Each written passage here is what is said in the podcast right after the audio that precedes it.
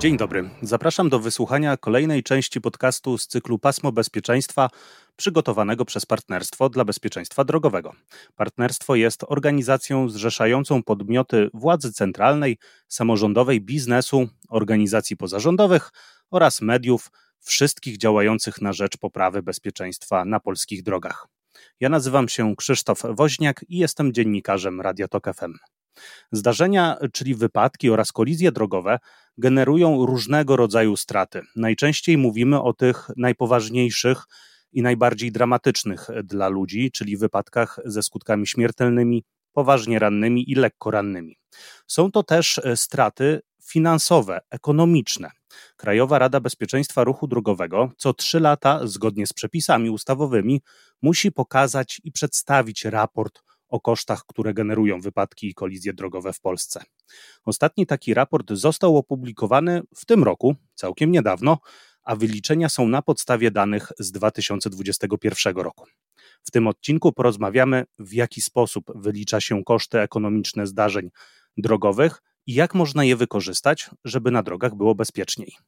Gośćmi podcastu są doktor inżynier Agata Jaździk-Osmulska, liderka zespołu, który przygotował raport, ostatni raport, ale też wcześniejsze raporty o kosztach wypadków i kolizji drogowych. Dzień dobry. Dzień dobry, witam. Oraz Radosław Czapski, specjalista od infrastruktury i transportu w Banku Światowym. Dzień dobry. Bardzo serdecznie witam, dzień dobry. Bardzo dziękuję za przyjęcie zaproszenia do dzisiejszego podcastu. I tak od razu wprowadzę, że koszty społeczne wszystkich zdarzeń drogowych w Polsce w 2021 roku oszacowano na poziomie 39 miliardów 300 milionów złotych. I w tym koszt wypadków drogowych, czyli tych zdarzeń, w których ktoś ucierpiał, wynosiły 35 miliardów 800 milionów złotych. Koszty kolizji drogowych wyniosły 3 miliardy, 3,5 miliarda złotych. Są również pokazane koszty mm, jednostkowe i najważniejsze z nich to koszt jednostkowy ofiary śmiertelnej mm, na poziomie 2 milionów 600 tysięcy złotych, koszt jednostkowy ofiary ciężko rannej na poziomie 3,5 miliona złotych i koszt jednostkowy ofiary lekko rannej to 51 300 złotych. Pani doktor, z racji tego, że od lat e, jako liderka zespołów, które przygotowują te raporty, Przyznam szczerze, że nikt inny tego w Polsce nie robi poza panią. E, z jakich danych e, korzystają zespoły, przygotowując takie raporty pokazujące koszty wypadków drogowych? Przede wszystkim korzystamy z mm, bazy danych SEWIK policyjnej, mm, ze szczegółów tej, tej bazy, czyli nie tylko to, co jest publikowane przez Komendę Główną Policji w zakresie podstawowych statystyk wypadkowych za rok ubiegły, zawsze trochę czekamy na te dane, ale ze szczegółowych danych e, statystycznych dotyczących e, oczywiście w podziale na ofiary śmiertelne, ciężko ranne, lekko ranne, e, ale z uwzględnieniem ich płci i struktury wiekowej. To są najważniejsze informacje dla nas. To jest punkt wyjścia, oczywiście, po prostu ile, ile osób ginie, ile jest poszkodowanych na polskich, na polskich drogach. Ale poza tym korzystamy jeszcze z danych z więziennictwa, korzystamy z danych e, dotyczących pojazdów operacyjnych, które brały udział w, e, przy usuwaniu skutków wypadków, czyli korzystamy tutaj z bazy danych Straży Pożarnej, która akurat kompletuje wszystkie dane o pojazdach, e, jednostkach, które uczestniczyły w wypadkach, nie tylko policyjnych, nie tylko Straży Pożarnej, ale wszystkich możliwych, nawet helikopterów wojskowych. E, I to są główne takie dwie bazy danych. Oprócz tego mamy tam do czynienia z danymi jednostkowymi, z kosztami jednostkowymi leczenia, hospitalizowania, mm, ofiar wypadków, kosztów pogrzebu. I to są właściwie najważniejsze informacje wejściowe do wyceny takich kosztów. Bardzo dziękuję Pani doktor za, za tę odpowiedź o podstawowych wskaźnikach, na podstawie których mm, wycenia się te koszty wypadków drogowych. E, Radosław Czapski, czy Właściwie w światowym podejściu do poprawy bezpieczeństwa takie wyliczenia są standardem, to znaczy e, wszyscy, którzy myślą właśnie systemowo na temat poprawy bezpieczeństwa na drogach, e, przygotowują takie dane, czy jednak e, nie we wszystkich krajach spotykana jest koncepcja pokazywania tej ekonomicznej straty fiskalnej, można tak powiedzieć, a jednak opierają się tylko na tych stratach osobowych? Wszyscy, którzy poważnie traktują bezpieczeństwo drogowe, szacują tego rodzaju koszty społeczno-ekonomiczne, dlatego że to jest bardzo poważny argument w debacie zarówno społecznej, to znaczy pokazywanie ludziom, że to są potężne koszty, które dotykają ich jako osoby, rodziny, ale także do, dotykają nas wszystkich jako społeczności czy, czy gospodarki.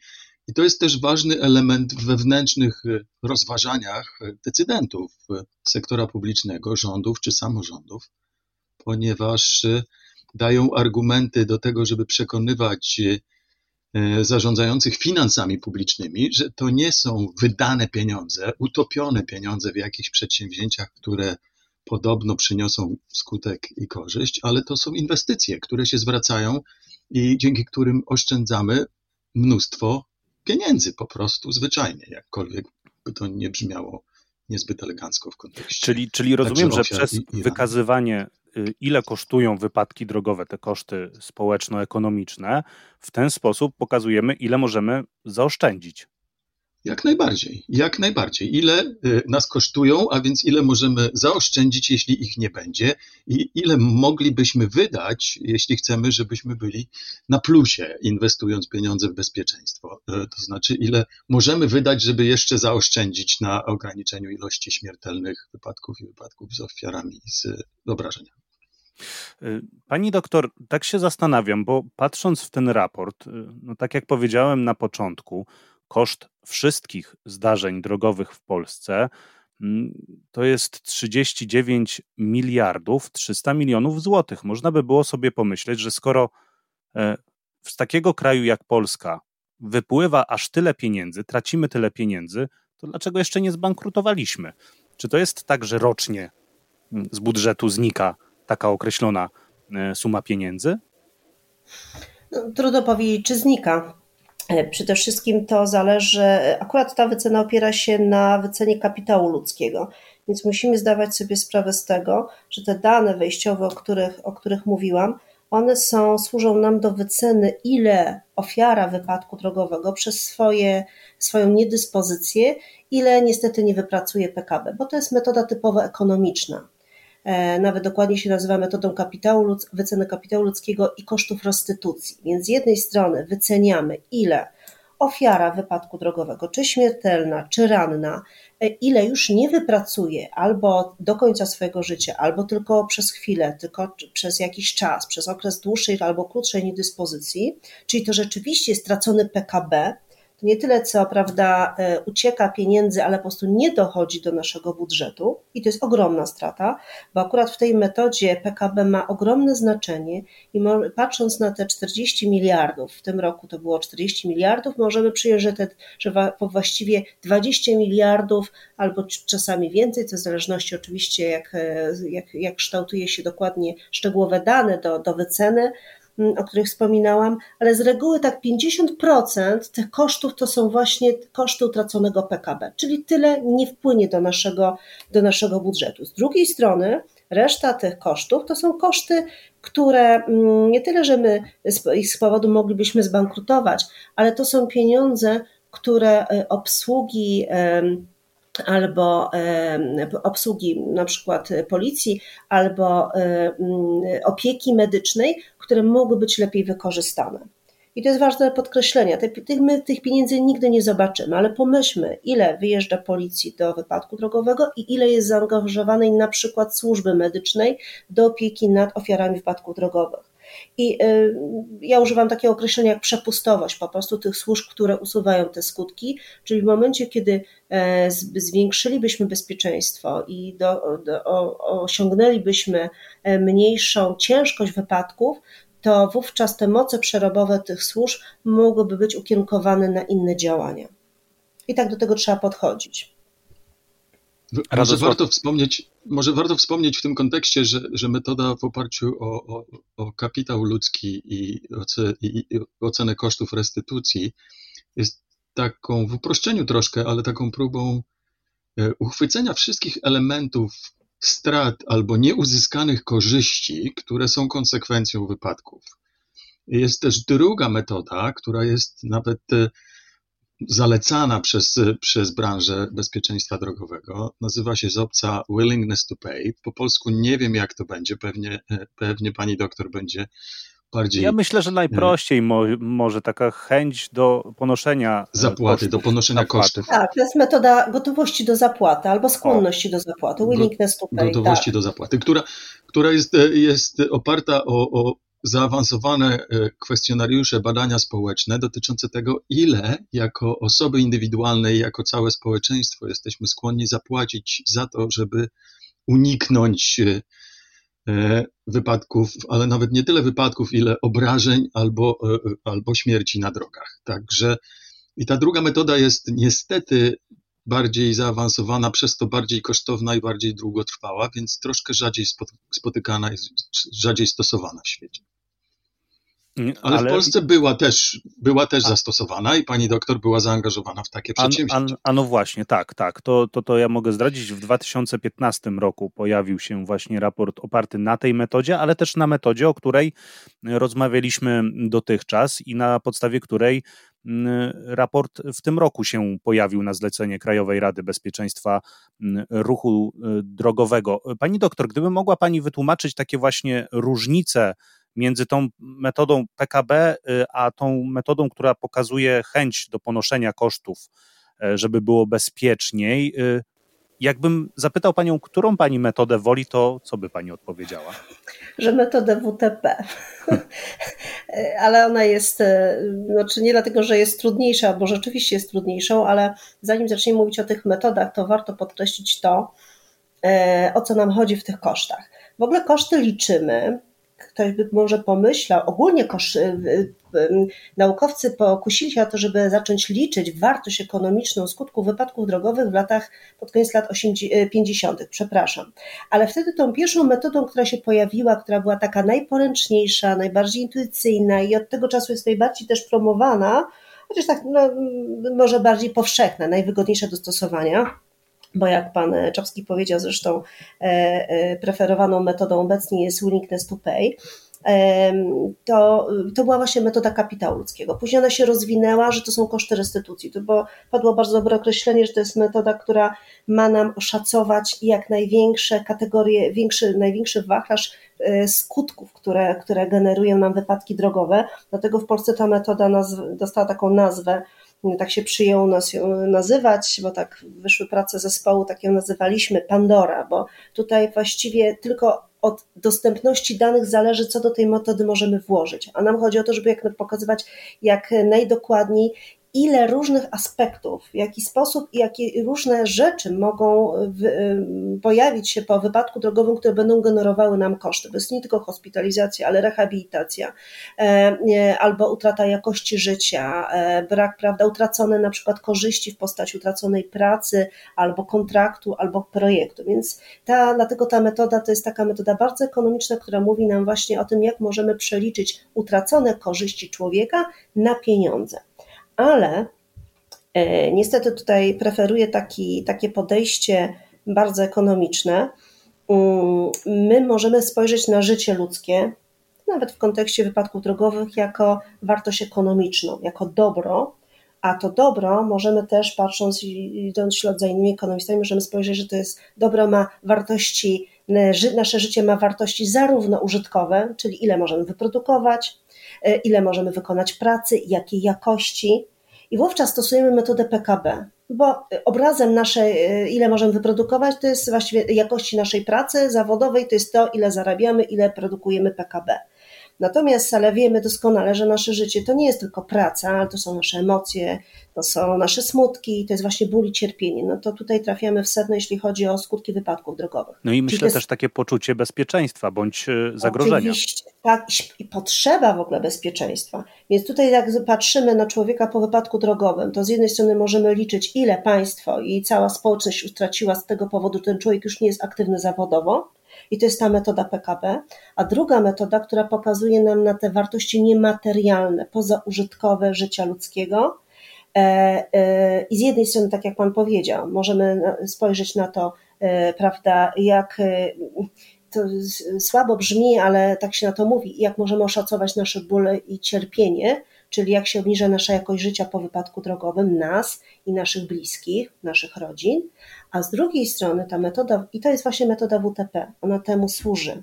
Czyli można powiedzieć, że oczywiście WTP jest metodą preferowaną, ale jak sami spojrzymy na to, na metodę PKB, która nam wylicza wartości użytkowe, a metoda WTP wartości nieużytkowe, to sami dojdziemy do wniosku, że trudno tutaj wybrać metodę preferowaną. Te dwie metody się uzupełniają, bo żeby oszacować całkowite skutki y, wypadków drogowych w sferze materialnej, powinniśmy zarówno oszacować te kwestie użytkowe, jak i te kwestie pozaużytkowe. I mhm. to daje nam metoda WTP i tak jak Pan powiedział, skończę tylko to, to jedno zdanie, y, to jest metoda o dużych możliwościach, bo ona nam nie tylko przez pryzmat naszych właściwie E, zapytani respondenci odpowiadają na pytanie, prawda, ile są skłonni zapłacić za redukcję ryzyka bycia ofiarą, ale my ich jeszcze sądujemy, czy w ogóle oni widzą problem w bezpieczeństwie, czy oni się czują e, bezpieczni na drodze, czy mają potrzebę bezpieczeństwa, więc e, to jest nawet taki, prawda, barometr naszej świadomości potrzeby bycia bezpiecznym na drodze, wyniki tej metody. Więc rozumiem, że warto mm, robić y, badania na podstawie tych dwóch metod, ale mm, na podstawie PKB może częściej, a właśnie tego skrótowo już WTP y, co jakiś dłuższy okres. Y, znaczy, oczywiście rozumiem, że badać to warto jak najczęściej, jak najgęściej, no ale jednak jakieś ramy można przyjąć. Zdecydowanie, znaczy PKB na pewno powinniśmy liczyć co roku, co się u nas nie dzieje, ale y, i tak dzięki y, ustawodawstwu unijnemu jesteśmy zobligowani liczyć co trzy lata, ale my widząc, co się dzieje na polskich drogach, już czujemy, że, e, e, że i przyglądając się, jakie były wyniki w ciągu ostatnich 10 lat wyceny kosztów wypadków, widzimy, że ten okres trzyletni powoduje, że my czasami nie łapiemy istotnych zmian w tych kosztach. Natomiast jeśli chodzi o badanie WTP, to e, pewnie pan e, Radek Czapski się ze mną zgodzi, że nie jesteśmy w stanie liczyć tego częściej. W ogóle co roku jest to po prostu niemożliwe, bo to badanie jeszcze ma jeszcze kolejny cel. Kolejny cel. To badanie sąduje nam społeczeństwo, bada ich skłonność do zapłaty, dzięki czemu, badanie jest bardzo rozległe, dzięki czemu możemy poznać profil społecz, społeczeństwa, dlaczego nie płacą, jakie mają cechy, do kogo mamy w takim razie dotrzeć, bo chcielibyśmy docierać do tych ludzi, którzy, których skłonność do zapłaty za redukcję mm, ryzyka bycia ofiarą wypadku jest jak najniższa, więc musimy znaleźć tą grupę, poznać, e, zastosować pewne środki, to wszystko wymaga czasu, powtórzyć badanie i zobaczyć, czy osiągnęliśmy E, zakładany efekt. W związku z tym najlepiej to badanie przeprowadzać co 5 lat. Przynajmniej tak się przyjęło, że pięcioletni okres między kolejnymi badaniami jest jak najbardziej właściwy. Rzeczy, rzeczywiście tak jest. Praktyka międzynarodowa wykazuje, że jeżeli któryś z krajów jest naprawdę poważnie zainteresowany poprawą bezpieczeństwa, to na ogół robi badania w oparciu o kapitał ludzki e, relatywnie często, co roku albo co dwa lata. E, natomiast badanie pogłębione e, właśnie w oparciu o, o metodę chęci ponoszenia kosztów bezpieczeństwa jest robione zwykle co pięć lat. I może warto przy tym zauważyć, że te najbardziej zaawansowane w myśleniu o bezpieczeństwie i te kraje, które zaczęły się strukturalnie zajmować poprawą bezpieczeństwa, więc kraje anglosaskie, e, kraje skandynawskie, e, e, Holandia, robią te badania w oparciu o metodę chęci, gotowości ponoszenia kosztów relatywnie regularnie. Kraje tak zwane rozwijające się startują na ogół od metody, metody prostszej, która jest już bardzo dobrze dopracowana czyli w oparciu o kapitał ludzki. E, I, e, i z, czasem, e, z czasem idą w kierunku bardziej zaawansowanej metody opartej o, o gotowość ponoszenia kosztów. Ale wiele, wiele krajów rozwijających się robi tego rodzaju badania już w miarę regularnie. Między innymi wielkie kraje, takie jak Chiny czy Indie, też prowadzą badania kosztów wynikających z ofiar śmiertelnych i obrażeń na drogach. Więc jest to bardzo popularna metoda, szczególnie w kontekście kolejnej dekady bezpieczeństwa drogowego ogłoszonej przez Narody Zjednoczone. No tak i sobie myślę, że jednak jest różnica w trudności bądź łatwości zrobienia badań, jeżeli właśnie mamy do czynienia z porównywaniem Chin do chociażby Czeskiej Republiki e, albo nawet Polski, bo przecież y, ludności jest co niemiara więcej w Chinach i trochę też wskaźniki y, się różnią dla tych y, krajów. Ale mam ochotę zapytać, czy w krajach, powiedzmy to, bardzo dobrze rozwiniętych pod względem działań systemowego podejścia do poprawy bezpieczeństwa ruchu drogowego, to te koszty oparte na kapitale ludzkim, na PKB, są niższe niż w tych, e, które dopiero zaczynają swoją podróż e, w systemowym podejściu do bezpieczeństwa, czy jednak biorąc pod uwagę, że jest wskaźnik bezpieczeństwa na zdecydowanie lepszym poziomie, to wcale tej różnicy takiej dużej nie ma. Pani doktor. To jest bardzo ciekawe, dlatego że jak się domyślamy też, badanie WTP sami powiedzieliśmy, to jest badanie skłonności, gotowości do zapłaty. Też słuchacze dobrze, żeby zrozumieli, że to nie jest takie, ja co prawda e, skróciłam, to powiedziałam, że się pyta e, respondentów o ich skłonność, ale to jest, stosuje się dosyć takie rozbudowane, inteligentne narzędzie, Badanie WTP opiera się o analizę conjoint, czyli tam jest e, wybór wielu opcji, więc my przez dłuższy proces, e, taki właściwie eksperyment ekonomiczny, badamy tego respondenta, bo przecież każdego, jak zapytamy w każdym zwykłym badaniu ankietowym, tak, czy chce bezpieczeństwa, czy chce uniknąć śmieci, to każdy powie tak, oczywiście, ale jak widać, jak e, wprowadzimy więcej zamieszania w tym badaniu, to wychodzą, staramy się dotrzeć do prawdziwych preferencji tego, mm, tego respondenta. No i wydawałoby się, że jeżeli pytamy, skracając, pytamy, ile jest skłonny zapłacić, to to będzie zależało od PKB z kolei, od portfela tego respondenta. No więc jak znowu się przyjrzymy, no to jeżeli porównamy, prawda, zarobki Polaków albo Brytyjczyków, e, albo Francuzów, no to każdy powie, no oczywiście w krajach wysoko rozwiniętych, bogatych ta skłonność będzie większa, bo ci ludzie są chętni więcej, e, mają większe, większe pieniądze. Natomiast to też nie jest tak, bo można było właśnie pójść w tą stronę, że to są kraje o wysokim e, poziomie bezpieczeństwa i czy ci ludzie dalej są skłonni więcej zapłacić za redukcję ryzyka, jeżeli żyją w środowisku bezpiecznym. Okazuje się niestety, że e, to jest, to jest ciekawe zjawisko i dlatego e, to jest też wielka wartość tego badania, że w krajach, które są wyżej rozwinięte, które są oczywiście bogatsze, ale w krajach, w których są wyższe wskaźniki bezpieczeństwa i również gotowość do zapłaty, czyli potrzeba bycia bezpiecznym jest o wiele wyższa niż w Polsce, dlatego że w tych krajach jest wyższa świadomość zagrożeń i chociaż te, te społeczeństwa żyją w bezpiecznych środowiskach, to dalej mają wysoką potrzebę dalej bycia bezpiecznym, a u nas niestety nie. To proszę zobaczyć, jakie to jest paranoja. Jesteśmy w kraju, którym jest dziś w ogonie statystyk, i Polacy y, naj, y, według tego badania z 2015 roku mają także najniższą skłonność do, y, do uczestniczenia w partycypowaniu w bycia tym bezpiecznym, tak? czyli mają najniższą w Europie także potrze potrzebę bycia bezpiecznym, bo między innymi właśnie to mierzy WTP.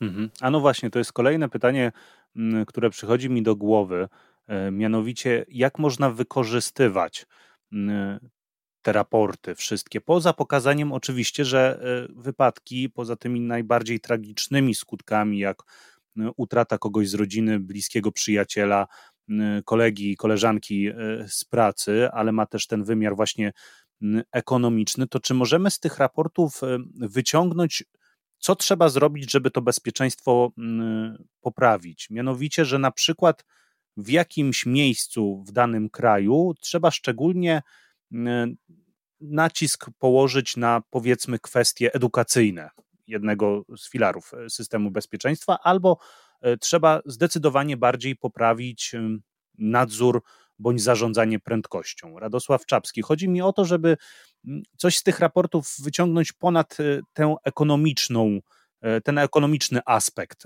i żeby pokazał, co trzeba zrobić, żeby to bezpieczeństwo było na wyższym poziomie. E, no tak, to, to jest bardzo ważne zadanie każdego z raportów, konkretne rekomendacje, co trzeba by robić, żeby było lepiej.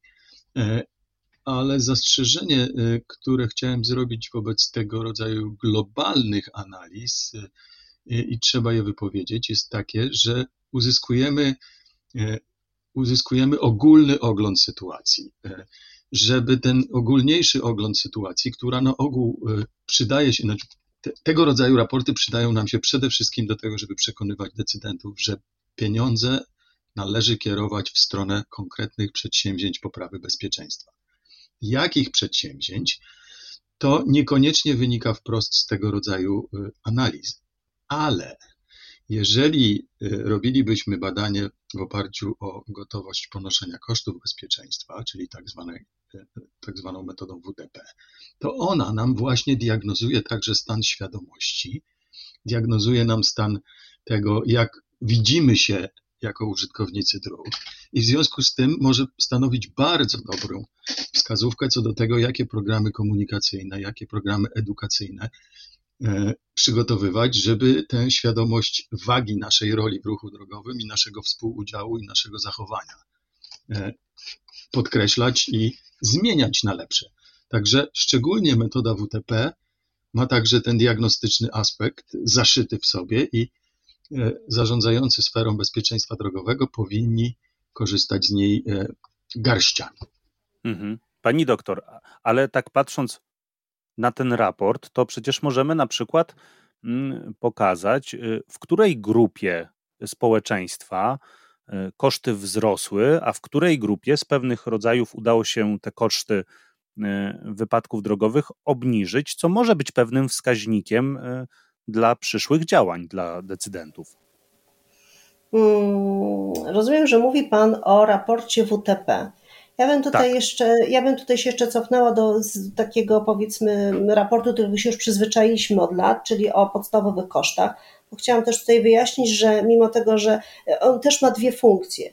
Ogólnie co trzy latach wszyscy są zainteresowani, no i co, koszty wzrosły czy zmalały? I to też nie jest tak, że jak, jak rosną nam wskaźniki bezpieczeństwa, to te koszty maleją, bo czasami y, bezpieczeństwo poprawia się nam zbyt mało, w sposób zbyt mało dynamiczny, a koszty jednostkowe, które są do tego wykorzystywane, rosną zbyt szybko. W związku z tym, mimo tego, że mamy, osiągamy jakieś efekty w bezpieczeństwie, to koszty i tak nam będą rosły. Poza tym jeszcze jest ważne, prawda, w jakich grupach osiągamy te efekty, prawda? Czy przypadkiem nie przybywa nam ofiar e, ciężko rannych w grupie osób w wieku produkcyjnym, co już domyślamy się, że z uwagi na tą metodę ma niestety negatywny wpływ e, albo pozytywny na wysokość tych kosztów, bo im więcej osób w wieku produkcyjnym, które są wieku, które są ciężko poszkodowane, to koszty będą nam rosły.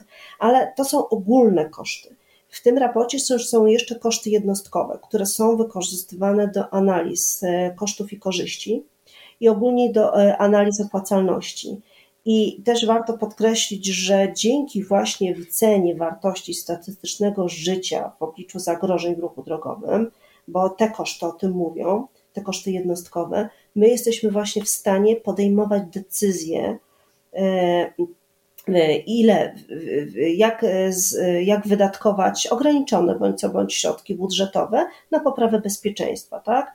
I, I bez tego, bez tego komponentu ekonomicznego trudno bronić wiele decyzji, dlatego że decyzje w zakresie poprawy y, wyboru środków poprawy bezpieczeństwa nie mogą się opierać na czymś widzimisię, ale nawet jeżeli oczywiście wybierze się jakiś środek ekonomiczny, który poprawia nam, zmniejszy nam ryzyko bycia ofiarą, nie wiem, czy, cięż, czy w ogóle zabitych, czy ciężko rannych, to, to bez wyceny y, jak, życia tej osoby nie jesteśmy w stanie przeprowadzić takiej prostej analizy, ile mamy pieniędzy, a ile uzyskamy korzyści. Więc to jest warto podkreślić, że ogólnie raport o co 3 lata generowany w Polsce dostarcza nam ogólnej wiedzy o kosztach wypadków, ale koszty jednostkowe są niezbędne do wyboru najefektywniejszych, najopłacalnych ekonomicznych środków poprawy BRD.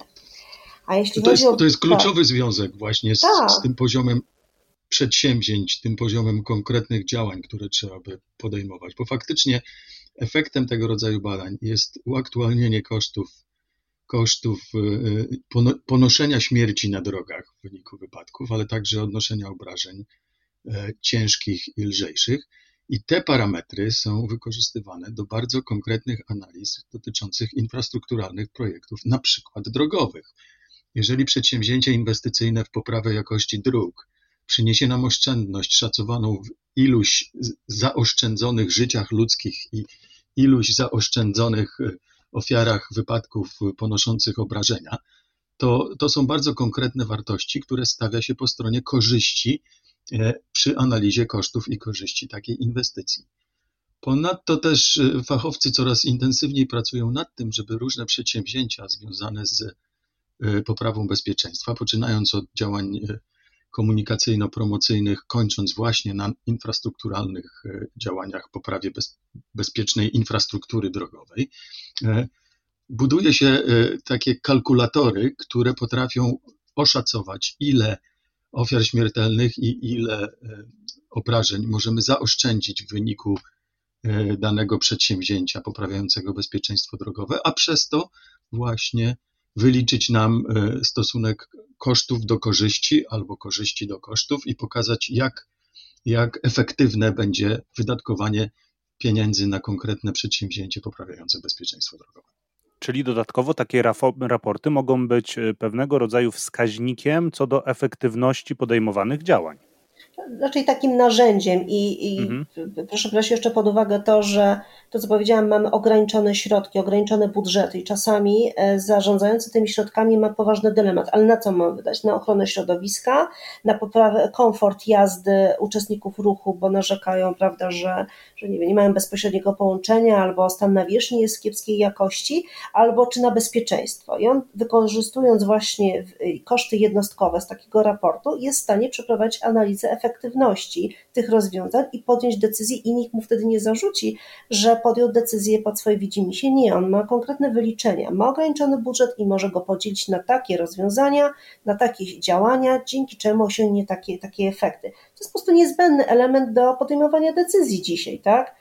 Hmm. Y, bo zarządzamy pieniędzmi. Ja uważam, że w ogóle społeczeństwo powinno bardzo interesować to, na co pieniądze są wydawane, bo właśnie przez takie narzędzia my jesteśmy w stanie jako społeczeństwo, też albo eksperci kontrolować, prawda, e, jakie są podejmowane środki, czy one przynoszą efektywność właśnie ekonomiczną, ekonomiczno-społeczną.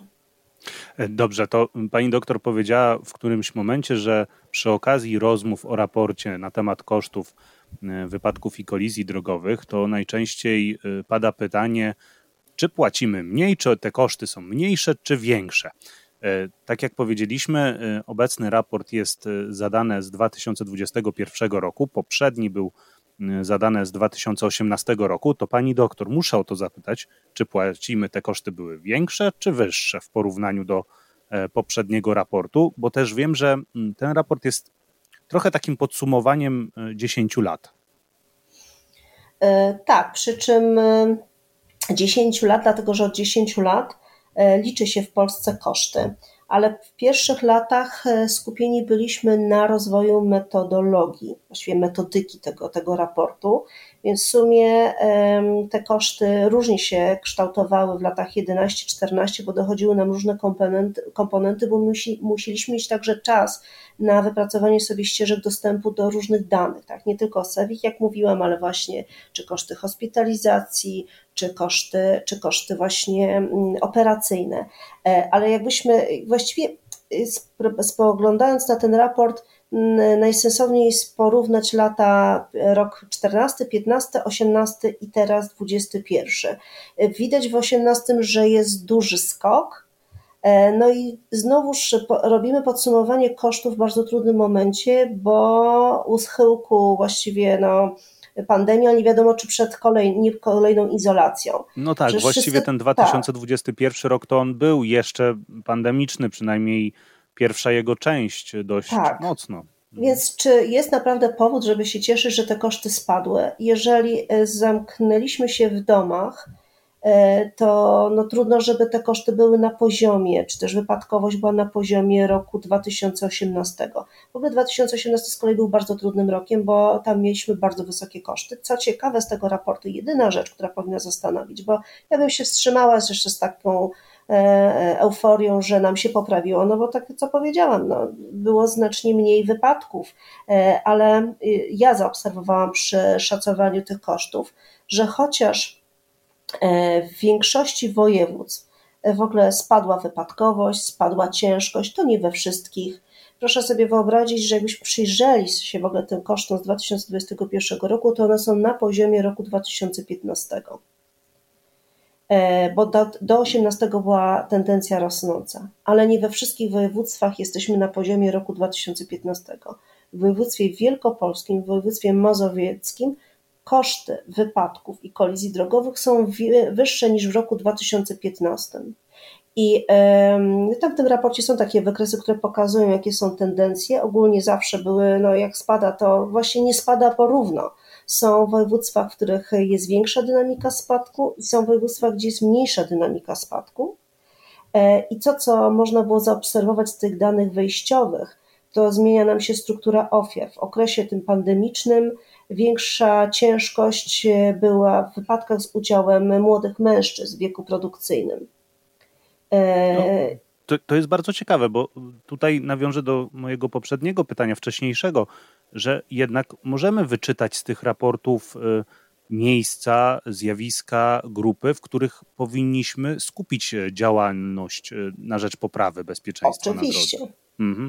Natomiast robiąc taki przeskok do raportu WTP, bo w sumie od tego zaczęliśmy ten wątek w dyskusji, mhm. co daje nam raport z WTP, to, to co zresztą pan Czapski podkreślał, WTP daje ogromne możliwości. WTP jest taką sondą. My dzięki e, czy też eksperymentowi ekonomicznemu, czy też zwykłym ankietom, które także są wplecione w to badanie, my dużo dowiadujemy się o profilu społecznym, nawet rzekłbym transportowym uczestników naszego ruchu uczestników ruchu drogowego. I to jest to, że my oczywiście przez pryzmat tych już E, tych, tych jej skłonności, szukamy odpowiedzi na pytanie, dlaczego ludzie chcą więcej albo mniej zapłacić. To już się powtarzam, ale właśnie czy są bardziej czy mniej świadomi, czy obawiają się, mało tego, czy nawet e, e, w żadnym badaniu dotychczasowym, dotychczas ankietowym, a w tym badaniu to wyszło, nie, nie uzyskało się takich odpowiedzi,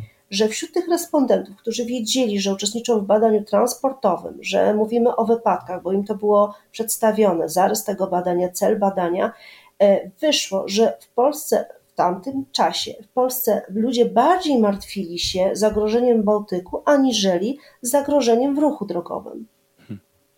I, I to jest ten problem, że my oczywiście mamy jakiś sukces w zakresie bezpieczeństwa ruchu drogowego, ale żadne, żadne, żadne, żadne dotychczasowe badanie ankietowe nie przybliżyło nas do poznania profilu społecznego tych ludzi. I do, do, to jest e, ten taki ciekawy obszar w nauce, bo to jest tak naprawdę socjologia transportu. Kto jeździ po naszych drogach i tylko dzięki takim bardzo, bardziej skomplikowanym badaniom możemy dotrzeć do tych ludzi, doszukiwać się właśnie, dlaczego więcej płacą, dlaczego mniej płacą.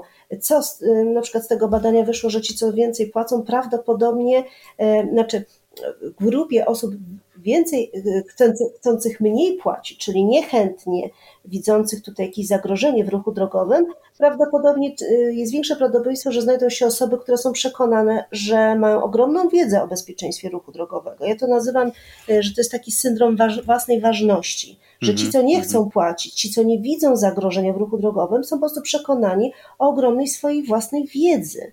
Więc mhm. może to nam pomoże edukować te osoby, docierać do tych osób, żeby y, y, wyprostować ich, bo to są ludzie, którzy uważają, że podejmują ważne decyzje, y, zajmują wysokie stanowiska, są głowami rodziny. Czyli tak, ogóle... tak skrótowo powiedzieć, są panami własnego losu. Tak, i mhm. oni są przekonani, że im nic w ruchu drogowym nie zagraża.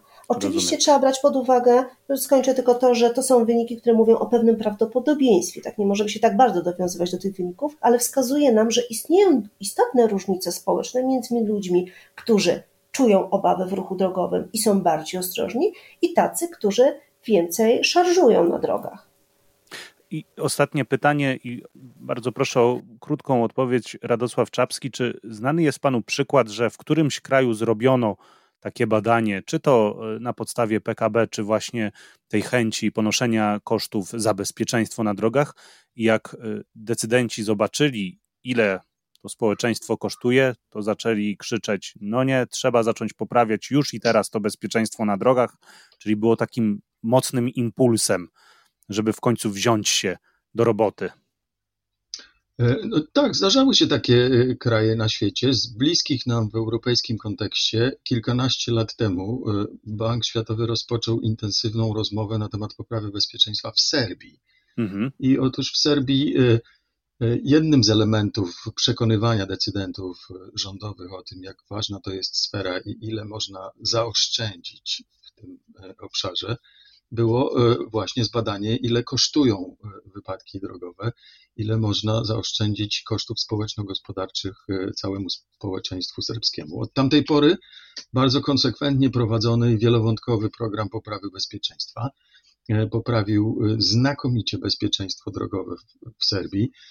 Zresztą Serbia jest takim wolontarystycznym członkiem członkiem Europejskiej Grupy, która monitoruje bezpieczeństwo drogowe. I jako y, Bank Światowy często korzystamy z ekspertów serbskich w promowaniu bezpieczeństwa w krajach rozwijających się na całym świecie. Więc europejski przykład to jest oczywiście Serbia, ale te, te wielkie kraje, o których, o których mówiłem, zarówno na poziomie krajowym, jak i na poziomie stanowym czy prowincji w Chinach, też bardzo poważnie wiele z tych prowincji i stanów indyjskich podchodzi do bezpieczeństwa, bo widzi, że to są olbrzymie koszty dla e, sfery publicznej ponoszone na, na wydatki związane z konsekwencjami bezpiecz- niebezpieczeństwa drogowego. Za każdym razem, za każdym razem e, kończąc e, odcinek podcastu z cyklu Pasmo Bezpieczeństwa, staramy się wystosować jakiś apel do decydentów, więc tym razem myślę, że najważniejszym będzie to, żeby robić częściej raporty oparte o PKB, tak jak powiedzieliśmy, powinno się je robić e, co roku, a ten drugi rodzaj określania chęci płacenia za bezpieczeństwo, i myślę, że to jest bardzo dobra nazwa do tego, żebyśmy wszyscy składali się na poprawę bezpieczeństwa na drogach i mieli świadomość to, że jeżeli więcej przeznaczymy naszej uwagi na bezpieczeństwo na drogach, to nam się to wszystko e, opłaci. E, może nie zwróci do portfela bezpośrednio, ale w rezultacie takim globalnym, społecznym e, na pewno nam się to będzie mm, bardziej opłacało. Także e, apelujemy do częstsze robienie raportów, bo to jest poziom doskonałej wiedzy, żebyśmy wszyscy mieli świadomość, jak wypadki drogowe wpływają na nasze codzienne i w ogóle życie. Więc Zachęcamy, zachęcamy do tego. Doktor inżynier Agata Jaździ-Kosmulska, liderka zespołu, który przygotował raport o kosztach wypadków i kolizji drogowych w 2021 roku, ale też autorka poprzednich badań na temat kosztów e, wypadków drogowych. Serdecznie dziękuję pani doktor. Dziękuję bardzo. Oraz Radosław Czapski, specjalista od infrastruktury i transportu e, w Banku Światowym. Dziękuję za rozmowę. Bardzo dziękuję. Do usłyszenia. I jak zwykle zachęcam do odsłuchania wszystkich odcinków podcastu Pasmo Bezpieczeństwa, oczywiście dostępnych na stronie Partnerstwa dla Bezpieczeństwa Drogowego. Krzysztof Woźniak, kłaniam się nisko. Do usłyszenia.